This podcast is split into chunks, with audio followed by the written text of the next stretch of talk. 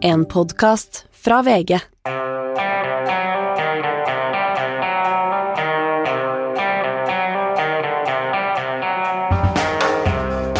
Ikke visste jeg at alle disse dagene som kom og gikk, de var selve uke 36. Og helt på tampen av uka så skjedde det vi visste, har visst så lenge, Yngve, at det kom til å skje. Allikevel så kunne jeg nesten ikke tro det. Dronning Elisabeth er død. Ja, det er jo naturens forordning, det. Så det måtte jo gå den veien. Du, litt, du kjente på en liten slags overraskelse du også? Ennå få Ja. har vært bedre forberedt enn deg, i hvert fall i dette huset.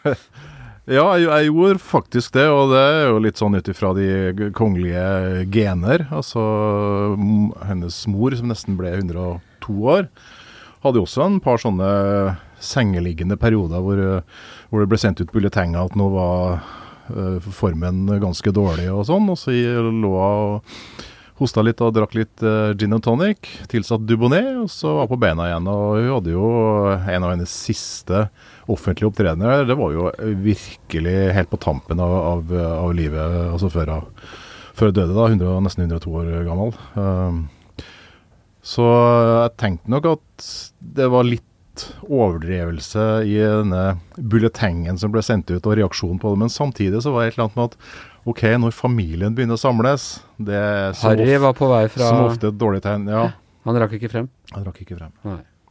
Uh, nei, det er altså det er spesielt. Man, det er jo som vi alltid snakker om, hvor var du da du hørte om ditt og datt? Og, og Hans Petter og Hanne og jeg vi, og Astrid satt og spiste middag i, i Molde. Og vi satt Hanne, vi satt jo der da sånn og du sa nei, men hun dør nok ikke ennå, for hun var jo frisk her om dagen. Og, og vi, det, det spredde seg i spisesalen på hotellet, så var det eh, et alvor eh, som, som gikk gjennom det rommet. Absolutt, samtidig som vi snakket om at gamle mennesker bruker ofte litt tid på å dø, ikke sant. Hun hadde vært eh, På tirsdag hadde hun møtt ny nye, nye statsministeren Liz Truss. Og vi har vel alle fulgt noen gamle mennesker som på en måte har ja, brukt tid, da. Så vi var ganske sikre på at dette kom til å ta en 14 dagers tid. Ja, eh, vi må jo vår gamle venn Boris Johnsen. Hvor bittert var det for han at han ikke var statsminister da dronningen døde? Jeg tror at han eh, var ganske ergerlig over at han gikk glipp av den siste eh, muligheten for litt offentlig eksponering. Og han hadde jo, Det sies jo også at han hadde forberedt gravtalen for lenge siden. så... Samtidig eh, en poetisk rettferdighet i at en kvinnelig statsminister er da akkurat uh, vært hos henne på Balmoreland, og, og hennes uh, tredje kvinnelige statsminister. Hun her, altså, hun ble jo uh, statsoverhode i en tid hvor du ikke var Var det noen andre kvinner som var Det var noen dronninger her og der opp gjennom historien, men, men det var jo en tid hvor, hvor menn fullstendig regjerte verden. Det var jo det, og eh, det var jo litt sånn eh, Som jeg sa på VGTV her i går, at jeg, jeg syns det var faktisk noe litt vakkert ved det at hennes siste embetsgjerning var å utnevne Liz Truss og be henne danne ny regjering. Det var eh, Det var på en måte som sirkelen var, var slutta. Jeg tenker på når, altså da hun landa i, i London som dronning og ble tatt imot av Clement Attlee og Anthony Eden og, og, og ikke minst eh, Sir Winston Churchill, så var det jo et sånn historisk sus bare det. ikke sant? Dette var jo da hennes fars statsministre. I tillegg så hadde Winston Churchill Han hadde jo faktisk vært i eh, dronning Victorias hær i India. Så der gikk vel liksom linja enda lenger tilbake, og så ble han hennes første statsminister. Uh, så, så liksom det mm, det var veldig Ja, som sagt, det var noe historisk eh, vakkert over det at hennes siste embetsgjerning var å utnevne Liz. Og så er det litt spesielt nå, da. At eh, det eh, gjorde hun i begynnelsen på uka. Så rakk hun aldri gjennomføre The Privy Council-møtet, hvor hun liksom skal eh, på en måte utnevne eller akseptere regjeringa og, og utnevne statsministeren til First Lord Chancellor. Og det, eh, det, altså det betyr jo ingenting, det ble jo bare utsatt. Men så skjer jo det nå at nå skal da hennes etterfølger, eh, kong Charles, da møter som den første, den nye regjeringa. Eh, så de har sin første, første samling i, i dag. Så eh, livet går videre. Ja. Eh, vi, skal, vi skal prate mer, mer om Charles, og egentlig mest om, om Charles her, men eh, jeg må bare ta nå fordi altså hun sto jo på en måte, hun var statsoverhode i avviklingen av det britiske imperium eh, på mange måter.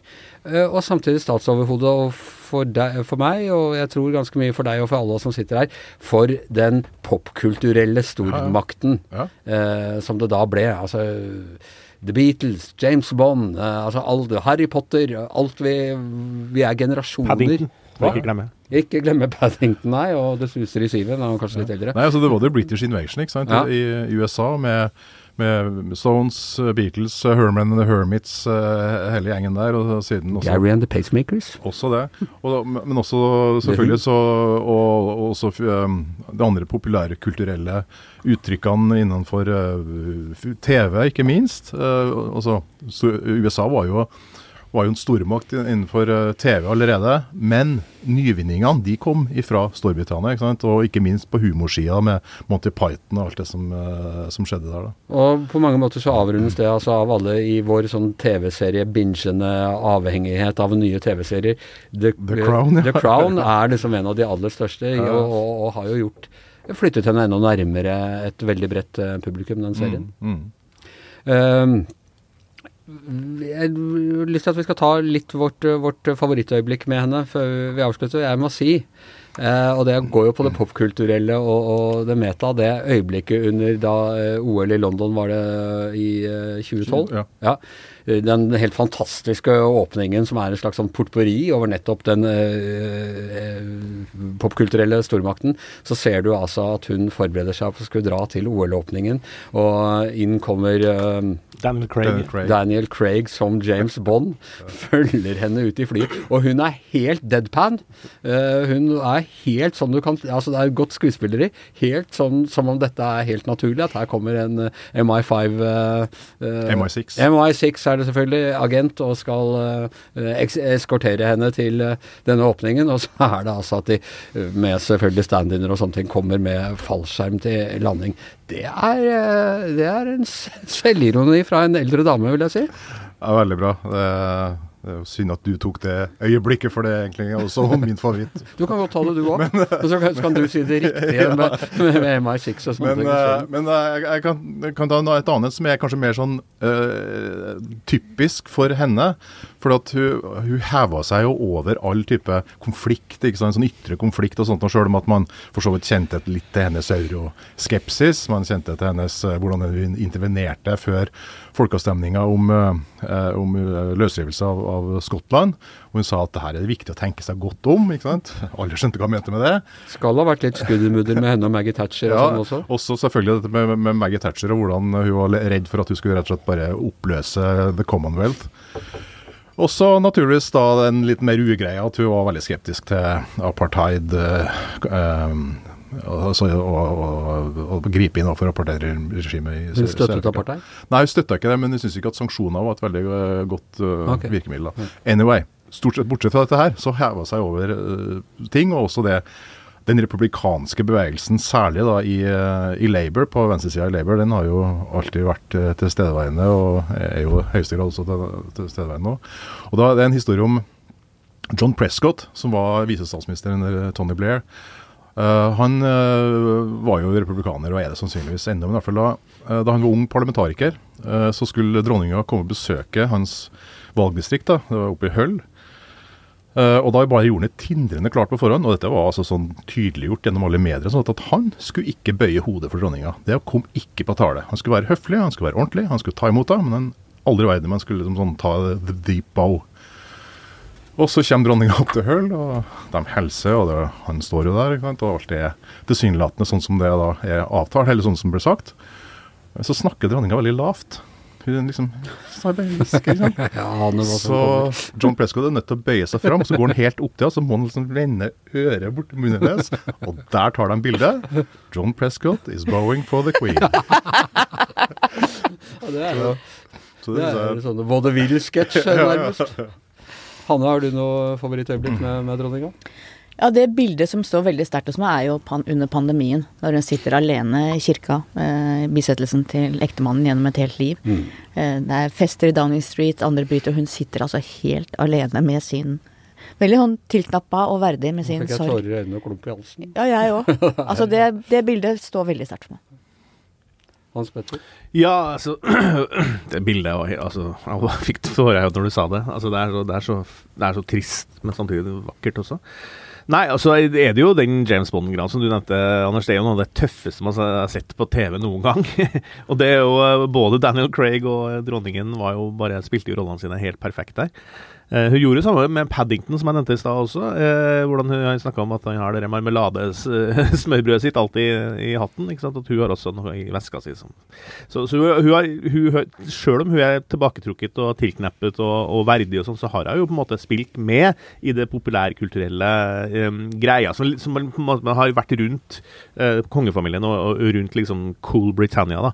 Eh, og så jeg, husker jeg fra den filmen The Queen, hvor Helen Mirren spiller dronninga, så, så syns jeg også det er veldig morsomt hvordan hvordan eh, det fremstilles at Tony Blair og, og, og kona de var liksom sånn De var også en slags republikanere, men litt sånn, ikke sant, de grua seg for å møte dronninga. og Kan vi ta det her på alvor? Og sånne ting. Og så ble jo Tony Blair og dronninga veldig nære, da, eh, og fant dyp respekt for, eh, for hverandre. Så ja, nei og, og i tillegg så er det jo The Crown, da, den store serien som du nevnte, Anders. Den er jo Vårt bilde av det her er jo nå i dag så farga av eh, The Crown, så det er vanskelig egentlig å skille mellom den serien og det som, hva som faktisk har skjedd. da.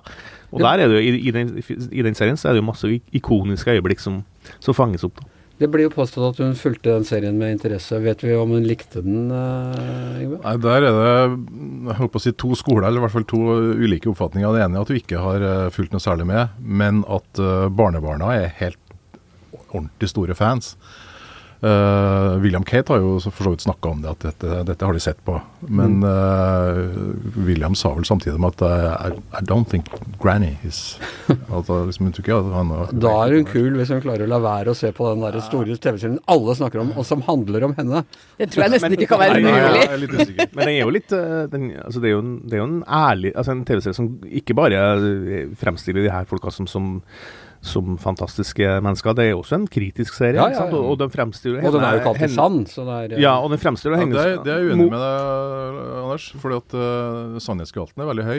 Ja, den er veldig høy, men den er ikke 100 Nei, nei, men det er fordi at man altså, Nei da, selvfølgelig man har tatt seg en del uh, Hun snakka aldri med han som brøyt seg inn Nei da, og de har tatt seg noen sånne dramaturgiske friheter, selvfølgelig. Men altså alle historikere som har sett den serien, og det, og det er mange, for de blir intervjuet etter hver eneste sesong og snakker om hver eneste episode. Og de, alle sammen sier jo det at jo, det er, biografi, det er biografisk fiksjon. Sånn at det bygger på virkelige hendelser. Men det er klart, man vet jo ikke hva, Men- hva dronninga og prins Philip snakka om på soverommet. Selvfølgelig ikke. Og de har jo skrudd sammen en del eh, episoder som ikke nødvendigvis Så var- ikke helt sann. falt, eh, falt eh, sammen i, i, ja. samtidig. Men altså, alt har skjedd. Altså, Ja, ja, de, altså- de ytre begivenhetene har skjedd. Det, det jeg skal bare si var at, at For dronningas del så var det jo en del ting i den serien som er ganske, må ha vært ganske vondt å se på hvis jeg så det. Ikke sant? Ja. Hvordan behandling av Charles eksempel, da han var ja. liten, og, og hennes fjernhet som mor og sånn. Det må jo ha vært fryktelig å se på hvis, hvis han gjorde det. Jeg tenker at det som, Mye av det som var nytt for oss, tenker jeg vi kan fastslå det er rett, Anders, at det kanskje ikke var sant. Det som i hvert fall fanget meg mest, var jo det relasjonelle. øh, Samtale mellom far og sønn, mor og sønn, mor og datter. Altså det Forholdet mellom de forskjellige menneskene, og samtaler som og fant dronning. sted. Hm? Ja, samtalen mellom innbruddstyv og dronning. Jo, nei, En ting var det, men altså forholdet mellom Ja. de forskjellige. Der tenker jeg at de har tatt seg en del friheter. Altså Suez-krisen skjedde når den skjedde. Ja. Eh, Gruvestreiken skjedde når den skjedde, men de tingene mellom menneskene der, og det å f.eks. myke opp Charles veldig, Ja, ja. Jeg mente ikke at de hadde dikta opp at uh, brexit eller noe sånt, men uh, ok. Eh, vi, vi skal altså videre i programmet. Men jeg, må, altså, jeg, jeg kommer ikke helt over at hun er død. Eh, hun hadde vært eh, dronning i, uh, i ti år eller noe sånt da, da jeg ble født. Hun ble dron dronning samme år som min- mor ble født. ja, ikke sant. Så jeg føler liksom at nå kan Keith Richard dø også. Nå er det liksom Nei, ikke si det. ikke si Det Det er ikke lov. Ja, For briter flest så er det jo veldig mange generasjoner briter som bare har hatt henne som dronning. Ja, Så ja. at det, det landet er jo i dyp sorg De aller fleste, Det er ikke en eneste parlamentariker som ikke har hatt dronning Elisabeth som sitt statsområde. Nei, nei, nei, det er helt uh, utrolig. Ok, eh, men altså Da er det duket for en mann som har Dette har han venta på så lenge. Eh, kong Og det lurer jeg på, eh, Yngve, først og fremst. Er han for oss kong Carl? Nei, han, så vidt jeg har skjønt det her, så er han Charles i sin levetid, Ja. og så blir han Carl etterpå. Ja. Sånn at vi må snakke om forgjengerne som Carl den første og Carl den andre. Ja. Altså hvis vi skal holde oss til Språkrådets norm. Eh, men Charles i sin eh, levetid. Får han et nytt navn når han dør? Nei. nei, nei. Nei, dette er, Altså- altså, dette er Fornorsking av navnet, fornorsking navnet. Mm. Altså, vi snakker jo om, om Henrik den åttende, ikke Unnskyld. Ja, nå tenkte jeg på Ja. Ja. Det, men på spansk, hvordan ble det der? Vil de si Carlos der, eller blir det Charles? Juan Carl. Ok, vi, vi, kan, vi kan ikke gå gjennom hvordan de gjør det i alle europeiske, uh, europeiske land. Men Portugisisk jeg hørte bare en story i går om uh, Jeg lurer på om det var Boman Larsen, den store uh, kong Haakon-biografen, som mente at han var oppkalt etter eh, kong Haakon, for kong Haakon var jo egentlig en prin, eh, dansk prins som het kong Carl.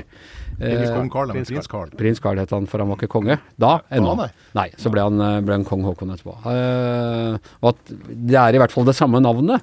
Jo, men altså eh, Ja, det kan du si. Og det Jeg skal ikke krangle med Boman Larsen, det tør jeg ikke. Men, Ja, jeg, jeg, altså, jeg hørte det som en påstand her. Men, men, men, men altså, det er, jo, det er jo en del gjenganger, da. Navn, da. Mm. Og, og sånn sett så jeg si jeg var re reelt overraska over at han valgte å beholde Charles-navnet som konge, fordi at Den første og Karl 2. er jo de to mest usympatiske og minst vellykka kongene i britisk eh, historie. Altså Den første han innførte jo eneveldet på en sånn brutal måte altså at de kappa huet av en. Oliver Cromwell ble såkalt lord protector for, eh, for eh, England. Og det gikk jo heller ikke så veldig bra, og han var veldig streng. og så skulle da man møtes da ved å utnevne hans, altså Karl 1.s sønn Karl 2. som konge. Eh, han ble jo riktignok kalt The Merry King, eh, men det var ikke noe positivt eh, betegnelse, for han var jo en stor hedonist. og hadde, altså det, Hoffet var jo eh, bare utsvevende. Han var ikke noe særlig hensynsfull over sine undersåtter. Og egenskapen var jo da han eh, døde. så han var gift med Katarina, men uh, de fikk ingen barn. Likevel så hadde han jo 14 etterkommere, alle uekte barn. Uh, ingen av dem i blodlinja som da kunne utnevnes som ny konge, så da ble det broren hans Jakob som ble konge. Så disse her to er jo Jakob. så disse to herrene er, Karl 1. og Karl 2. er jo altså eh, misfits i den ellers grandiose kongerekka. Uh, så og, og, og veldig mange har jo tenkt at han ville ta navnet George Etter sin bestefar. etter sin bestefar og sin oldefar, fordi Mm. det er de to kongene som han har fremholdt sjøl. Men, men hvorfor kalte de ham ikke George i utgangspunktet? Hadde ikke det vært naturlig? heter, jo, men det er nettopp det, det skal jeg fram til. For at han heter også George. Altså Ja, ja. George er det siste av de fire navnene hans i den, eh, i den eh, kongelige navnerekka. Som, altså De får masse navn, ikke ja, sant. Eh, sånn at det hadde ikke vært noe unaturlig at han, han tok det navnet. Men antageligvis, dette vet jeg ingenting om, men jeg tipper at han har gjort en tanke og vel, han skal rehabilitere Charles-navnet. Ja. jeg kan ikke, se noe, jeg liksom, kan ikke se noen annen grunn, for det, for det er ingen grunn til å hedre noen av hans forgjengere. i hvert fall. Og da må jeg altså si eh, kong Charles som, som den tredje, som nå eh, tiltrer. Eh, hva vet om han? Det var en ulykkelig barndom, pressa inn på noen fæle kostskoler. Eh, en autoritær far, en distansert eh, mor. Han fikk ikke gifte seg med kvinnen han elsket. Han ble presset inn i et ekteskap med en eh, ung kvinne som han gjorde ulykkelig. En av de største skandalene i, i det britiske kongehusets historie, i hvert fall siden han kongen som måtte abdisere.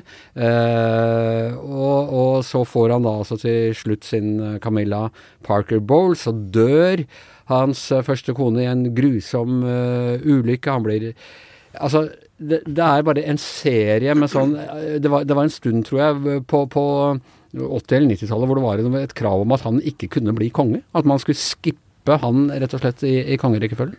Men det er det ingen tradisjon for i eh, britisk historie. Nei, det hadde blitt enda verre hvis de hadde gjort det. Ja, altså, så, det, så det var ikke ja, Bortsett da fra David eller da Edvard den 8., som abdiserte, det, så er det jo virkelig ingen tradisjon eh, for det. Så det, så det å hoppe over, det har de snakka om nå, ikke sant? at kanskje skal man hoppe over eh, til, til William, men det det er liksom det er ikke det er Og ikke nå, eh, Dessuten tror jeg at han, at han Altså, dette har jo herda han på, på, på som ymse vis. ja. Men jeg tror også det at han, eh, det at han omsider da fikk eh, Camilla, og hun har eh, også vokst i oppgaven. eh, Sikkert bort fra at dette kan bli et veldig populært kongepar. Og britene er nå mer komfortable med eh, Charles enn de noen gang har vært. Det er mitt inntrykk. Ja, altså Ting har jo modnes over tid, selvfølgelig. Dette med tiden som leger alle sår og sånn. Det var jo fryktelig på 80-tallet med alle disse Og 90-tallet ikke minst, med alle disse historiene som fikk servert på forsida til The Sun. og og, og alle detaljerte grusomheter, sånn sett. Eh, og naturligvis Skal vi ta en av de Nei, nei, vi trenger ikke det. Ja, men altså, jeg bare, Det er en konge av England som, har, som vi vet at har uttrykt offentlig et ønske om å være tampongen til, til kona si. Han gjorde det vel ikke offentlig, men han gjorde det Det, nei, men altså, dette Det har blitt kjent. offentlig. Ja, det ble kjent. Ja, ja, han sa det ikke fra talerstolen. Det er eh, eh, degraderende for kongemakten. Det hender vel at folk har sagt uh, ganske intime ting i situasjoner hvor de ikke visste at de var uh, overvåka eller fikk telefon Nå syns jeg det er veldig unnskyldende her, Yngve. Nå syns jeg det er veldig Jeg er enig med. Yngve her, altså. Her, her er en skandale at sånne ting kommer fram. Ok, Jeg- jeg- jeg synes Men nå har det nå kommet fram, jeg syns- jeg ikke, jeg syns ikke at det skal holdes eh, Mot ham. altså. Nei, det er jeg. Det er nok et par andre ting hvor han oppførte seg litt eh, kanskje vanskeligere. Men, men, eh, poenget er at han har eh, jeg håper å si, eh, fått folkets eh, tilgivelse. Camilla har vist seg Altså, hun er en stayer og et, et ordentlig menneske, tror jeg. De er very British, de to der. altså Ja. Ser dem for seg med tea og scones og Husk, husk hvordan altså, hun ble eh, trakassert av, av media, sånn ikke minst eh, altså En ting var jo utroskapshistoria, men også dette at, at de fortsetter å være sammen, og og, og så og skulle de gifte seg. og det var, altså, det var, altså, De hadde alle imot seg. Camilla, hertuginnen av Cornwall, hun har stilt opp på alle sine offentlige oppdrag. Hun har snakket med pressen, hun har lært seg hvem de er. Hun tiltaler fotografer og journalister med fornavn. Eh, De har slutta å trakassere henne. Hersketeknikk. Ja, det, det kan du kalle det. Men, altså, men, men eh, nå, nå er hun faktisk en av deres favoritter. Så, hun- og hun er ordentlig, hun svarer på spørsmål. Eh, så jeg tror at hvis hun fortsetter sånn som hun har holdt på de siste 17 årene, etter at de blir gift, så, så kommer hun til å bli en utmerket dronning. Så må ikke glemme at de to har jo faktisk altså, strengt tatt vært sammen i 50 år. Ikke sant? Ja. Men, men hun blir altså ikke dronning, men queen Queen consort. Consort, altså, ja. det er jeg også litt usikker på, for hun ble omtalt som queen consort uh, offentlig i går. Men uh, dronning Elisabeth, noe av det hun sa og offentliggjorde i forbindelse med platinajubileet i sankthanshelga, altså nå i vår, eller på forsommeren, det var jo at hun ønska at Camilla skulle bli dronning ut ifra, eh, som jeg sa, den tankerekken at min arvtaker bli, vil bli konge. Kongens hustru er dronning. Sånn er det bare. Uh, at hun har vært kalt gemalinne og sånt, og det tror jeg har vært litt sånn respekt også for, eh, for Diana. Uh, det, liksom, må- det kapitlet måtte lukkes. Nå er det en ny situasjon. Uh, når Charles blir krona til konge, så er jeg nesten sikker på at hun blir krona til dronning ved hans side. Men var ikke, var ikke dronningmora, altså mora til Elisabeth, også kalt Jo, jo, hun var dronning, dronning Elisabeth. Nei, hun var dronning Elisabeth. Ok. Nei, jeg bare tenker, jeg tror at det det britiske monarkiet også har veldig, og særlig Charles har veldig mye å takke The Crown for. For at i hvert fall for min del, å se hvordan hans oppvekst var, og se på en måte den mer menneskelige siden av han i forhold til det bildet han hadde fra før, så tror jeg det, det mykna veldig. Mitt syn på han, det tror jeg antagelig gjaldt veldig mange briter. Og så må vi nesten tro at uh, kongehuset sponsa den serien. Så er det jo spørsmål, og jeg, jeg forlanger ikke noe svar her, eh, Yngve, men, men det er litt sånn, altså eh, Modellen her er jo dronning Victoria som regjerte nesten like lenge. Eh, hun hadde en sønn som ikke er helt uh, ueffent å sammenligne med, med Charles, kong, eh, prins Edvard. eh, kong Teddy, som han populært ble kalt. Ja, Bestefar til kong Olav. ja, bestefaren til kong Olav, ja. Eh, og han var, han var altså kronprins in waiting i gud veit hvor mange år. Og så hvor mange år fikk han til slutt? Det var en fem-seks år eller noe sånt. Ja, nå spør du, jeg tror vi var seks-sju år. jeg. Ja. Ja. Eh, og, og døde da veldig populær, faktisk, eh, mot, mot alle odds etter alle skandalene han hadde pådratt seg. Men eh, det var et langt liv å vente på en veldig kort karriere. Men samtidig så brukte han jo tida godt da, når han først ble konge. Altså Han åpna jo veldig opp kongehuset etter at det var lukka da, av, av sine foreldre, og særlig mora, som ble mer og mer til, tilkneppa, bokstavelig talt. Men jeg tenker så, noe mer altså han er 72 år eh, eller noe sånt, Ja. eh, Charles. Det er, eh, de fleste av oss har da gått av for lenge siden. Ja da, han ha tatt AFP for 11 år siden, så Ja. han ble til Norge. Så Men det gjør Men det er rart å tenke på at han har vært så lenge in the waiting. Jeg synes jeg tenker på den The Smiths-låta 'The Queen Is Dead', Ja. som nå ble sikkert, vil jeg tro eh, vil stige på hitlistene igjen i, i Storbritannia. Fordi det er Ja, for der sånn. synger de om Charles. Det synger de om Charles. Og det synger I say Charles, don't you ever crave to appear on the front of the Daily Mail dressed in your mother's bridal veil. uh, sånn, og det var den Spydig han er i morgen. ja, veldig spydig. Men, men den, den kom altså i 1986. så det, altså, folk sånn som oss satt sikkert i 1986 og snakka om det greiene her. Ikke sant? Så det, det forteller jo bare hvor, hvor mange år som har gått, og han har gått og tråska og, og venta. For han har jo åpenbart Vi snakka litt sånn tøysete om det i går, vi skal ikke tøyse for mye, men at han uttalte jo at han var veldig, veldig i, i sorg og sånn, det skal jeg ikke tvile på i hele tatt. Men samtidig så er det en sånn Et eller annet sted i Charles i går så var det en slags Skal vi si Endelig er det min tur også, for han, altså, han har jo gått og gressa lenge. Uh, Asker, jeg vet ikke om vi har den her, ja.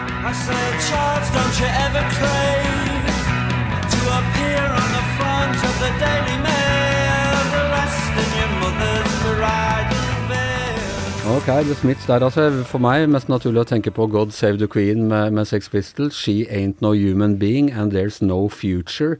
Uh, og Han har, det- jo- han angra veldig på det, han John Lydon, i ettertid. da.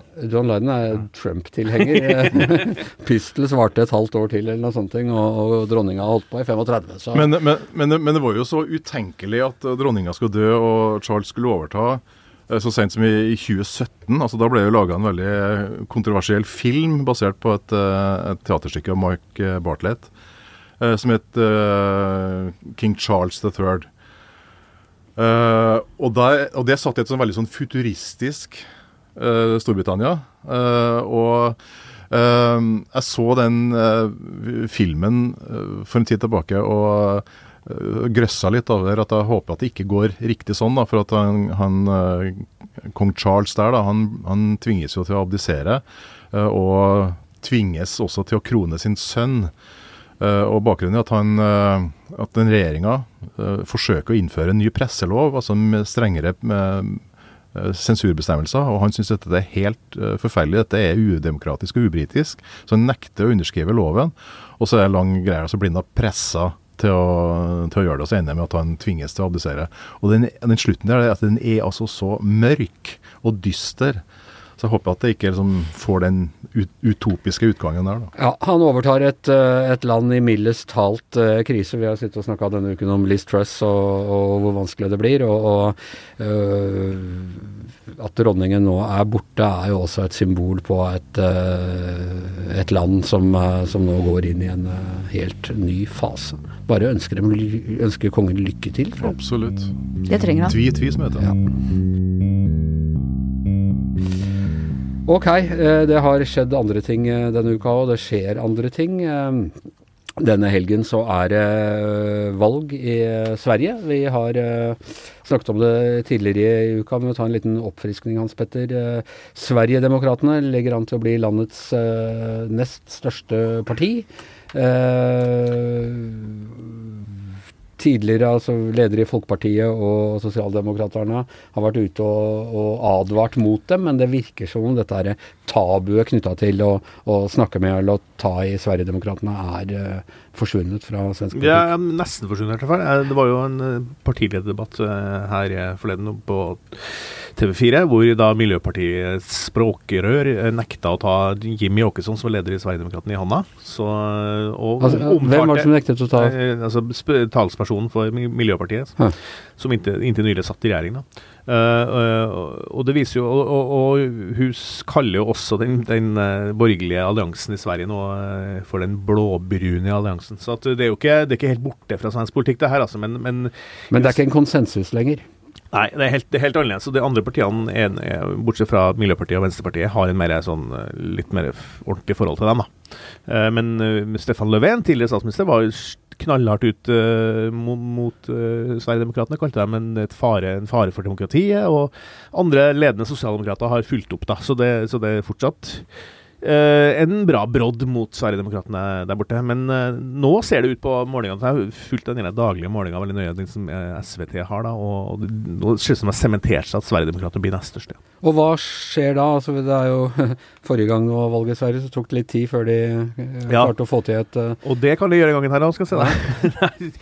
det er et, eh, Svensk politikk er et eh, sabla rot, rett og slett. Eh, fordi eh, blokkene her er så, så Partiet har skifta side, og det har litt med Sverigedemokraterna å gjøre. da. Eh, gjorde annet at Sveriges, altså Senterpartiet i Sverige, som, som ikke på en måte er, et, er søsterpartiet til Senterpartiet i Norge, det, det er litt viktig å understreke. Det, det er litt, et liberalt parti eh, som også har bånd til venstre i Norge. De har da altså gått over på rød-grønn side og, og en støtteparti for Sosialdemokratene. Eh, og det skjedde jo pga. Sverige, for de vil ikke ta i, i Mjåkessons parti. da. Eh, og, og nå er det, på den målinga jeg nevnte her, så er det så utrolig jevnt mellom blokkene at det nesten ikke er til å tro. Altså, den rød-grønne sida får eh, 49,7% og den blå 49,4. Og det står om kanskje bare 15 000-16 000 stemmer. Så det, det er så jevnt. Men hva slags regjeringssamarbeid vil man eventuelt ha da mellom eh, Moderaterna og, og Altså, vin, Sverigedemokraterna? Mest trolig da, så blir det sånn.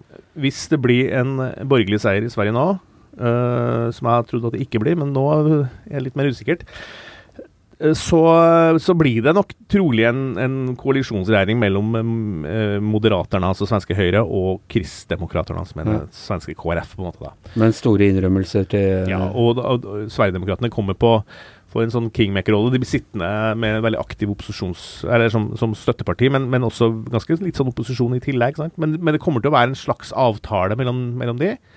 Eh, og så får vi se litt hva liberalerne, da, som er det, det so- sosialliberale partiet der, som også er på borgerlig side i Sverige, hvordan de forholder seg til det. Men, så lenge at Moderaterna og Kristdemokraterna blir sammen er større enn Sverigedemokraterna, så, så tror jeg nok at uh, borgerligheten puster litt letta ut. fordi hvis de to har blitt mindre enn SD, da, da, da er man over i, et veldig ulendt terreng i, i svensk politikk. Det, hvis det blir på andre sida, hvis det blir rød-grønn seier, så, så tyder nok en del på at det blir en koalisjonsregjering mellom Sosialdemokratene og Senterpartiet, Senteren.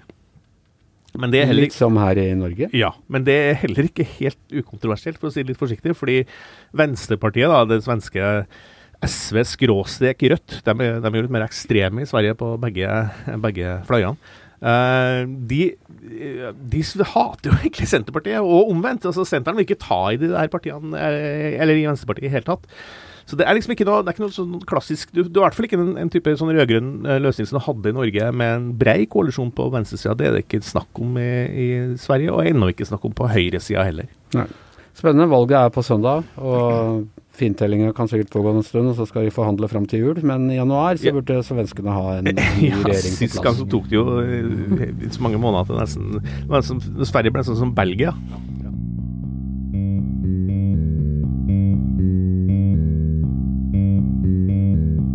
Eh, ok, Uh, en annen av uh, ukas tidligere saker som vi har snakket om, det er vår gode venn og kollega Håkon Høydal, som, som kom ut med boka om Abida Raja, storesøsteren til Abid Raja. En sterk bok om, om tvangsekteskap, om vold i nære relasjoner, og om innvandrerkvinners manglende muligheter til å, å leve slik vi nordmenn er eh, tar for gitt at eh, vi skal leve. Og siden sist så har du lest boka, Hanne. Hva syns du? En veldig sterk og veldig god bok.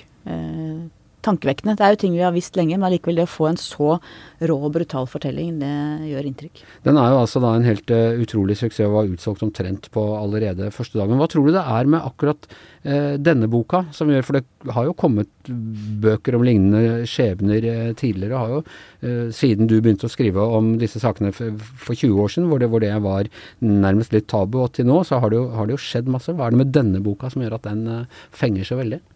Det er flere ting. Det er klart, eh, veldig få av oss visste at eh, Abid Raja hadde, hadde en søster som hadde vært i den eh, situasjonen.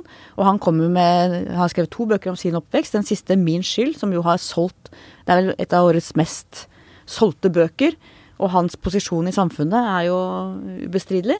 Han nevner så vidt noe i sin bok eh, som, som hentyder til hennes historie. Ja, han forteller at da, når han er der Det er vel mens han er i barnevernets varetekt selv og kommer hjem igjen, det er ikke søsteren der, for da skriver han en setning om at hun Hele familien er i Pakistan og gifter bort hans ene søster. Det er det eneste vi hører.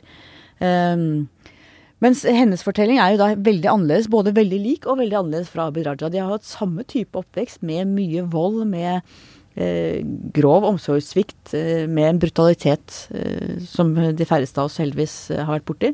Men hennes historie er enda verre. Hun blir jo sendt til Pakistan som seksåring. Eh, og feier gulv og bærer vann og passer småbarn og er der til hun er 13 år. Og så kommer hun tilbake til Norge, er selvfølgelig veldig annerledes og veldig snakker norsk dårlig, har har vært borte fra Norge i så mange år, formative år. Og så er det all volden og alt det som skjer siden, som gjør at hun som kvinne er i en helt annen posisjon også enn Abid Raja. Du, eh, vi snakket med, med Håkon om det da han var her, eh, men jeg hører med deg også som er redaktør. Eh, Det er noen presseetiske utfordringer man hadde ikke kunnet gjøre. Det er jo forskjell på, på, på presseetikk og norsk lov, så det er klart at man, man, eh, man kan Og, og forlagene tillater seg ofte ting som vi, vi ikke ville gjøre i pressen. Men bl.a. om tilsvarsrett fra en del av de personene som det rettes harde anklager mot i boken. Ektemannen, foreldrene og sånne ting. Ja, og det er åpenbart eh, problematisk. Og det, fra forlagets side sier man at det er eh, Man har ikke kunnet fortelle noe om denne boka til noen. Heller ikke, eller kanskje særlig ikke til de nærmeste, før boka kommer ut. Politiet har gitt råd om det. Og jeg må si at jeg syns det er litt rart. For det, blir jo kjent for familien idet den kommer ut uansett. Og det at de for det første ikke har fått tilsvar, men at de heller ikke har blitt orientert om det litt i forkant. Det måtte jo være mulig å, å for forlaget da, å gi henne en trygghet og gi henne en leilighet eller hva som helst i tid i forkant som han fikk ivaretatt det. Um, sånn at jeg, jeg, jeg lurer litt på Jeg syns det er litt rart. Har du snakket med faren din, gammel forlagsmann, eh, som jeg vet du diskuterer med presseetikk og sånne ting fra tid til annen? Nei, så det har jeg ikke gjort, men det har jeg tenkt å gjøre. Ja, blir, du får rapportere videre til oss. Ok, eh, Giæver og gjengen legger nok en begivenhetsrik eh, uke bak seg. Tenk at dronningen døde, det kom jeg nesten rett og slett ikke helt eh, over. Men det gjorde hun altså. Eh, og, og vi er tilbake neste uke. Tusen takk til Yngve Kvistad, tusen takk til Hanne Skartveit, tusen takk til Hans Petter Sjøli. Jeg heter Anders Giæver, og ikke bare er dronningen borte, men Magne Antonsen er ikke her engang. Heldigvis er han eh, er, har vi en god stand-in i eh, Askild Matre. Tusen takk for denne uka.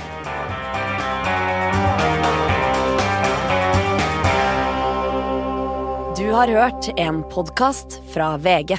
Ansvarlig redaktør, Gard Steiro.